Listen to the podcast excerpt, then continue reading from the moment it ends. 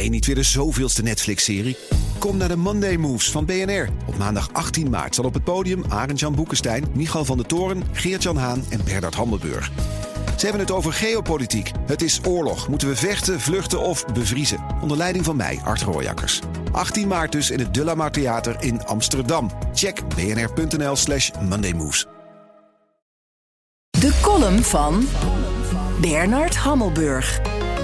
Tussen de openlijke spanningen met China, zeg maar rustig slaande ruzie over chips, Taiwan, de Zuid-Chinese zee en de diefstal van intellectueel eigendom en de economische werkelijkheid, ligt een wereld van verschil. President Biden en EU-leiders vallen over elkaar heen met aansporingen tot ontkoppeling van de economieën. Dat is een illusie. Dat vindt ook Janet Yellen, de Amerikaanse minister van Financiën, en een realist. Deze week gaat ze op bezoek in Peking en dat is goed nieuws. Niet dat zij aan die slaande ruzie een eind kan maken, maar ze is een van de weinige westerse politici die het streven naar economische ontkoppeling desastreus noemt en vindt dat de twee grootmachten de weg kunnen en moeten vinden om met elkaar te leven. Yellen kijkt in de eerste plaats naar de cijfers. Amerika exporteerde vorig jaar voor 154 miljard dollar aan producten naar China.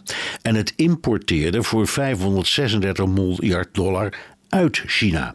Daarmee is Amerika de grootste Chinese afzetmarkt. Ontkoppelen, dat is simpelweg onmogelijk.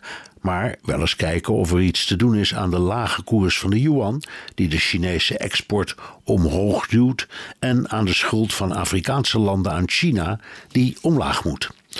Ze zal weinig tijd besteden aan het praten over een spionageballon of het uitmaken van Xi Jinping voor dictator, maar wel aan het vertrouwen dat nodig is om de chipoorlog te beteugelen. Al is het alleen al omdat Amerika de belangrijkste chipleverancier van China is. De Chinese woede over het blokkeren van de eigen fabrikage van hoogwaardige chips door beperkingen op te leggen aan het type chipmachines dat ASML mag leveren is enorm.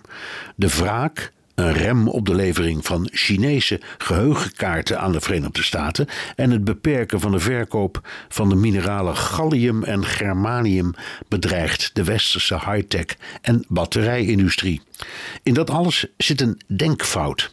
Het kan even duren, maar ook zonder westerse steun zal China er uiteindelijk in slagen zelf hoogwaardige chips te produceren. En gallium en geranium zijn ook te koop in andere landen, al is het tegen gigantisch hoge prijzen. Sancties zijn een soort chantage waaronder de gedupeerde partij zich altijd uit weet te wurmen. In conflict situaties is het vaak verstandiger om ministers van Financiën te laten onderhandelen dan ministers van Buitenlandse Zaken. De economieën van de supermachten zijn totaal verstrengeld. Dat is de echte wereld waarin Janet Yellen als geen ander de weg weet. De wereld van het geld. Je hebt aardig wat vermogen opgebouwd. En daar zit je dan, met je ton op de bank. Wel een beetje saai, hè?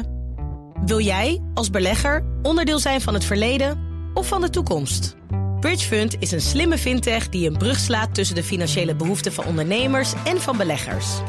Dus wie belegt bij Bridgefund krijgt niet alleen een mooie vaste rente, maar brengt ook ondernemers in beweging. Echt waar, met die ton kan je zoveel betere dingen doen. Bridgefund. Make money smile.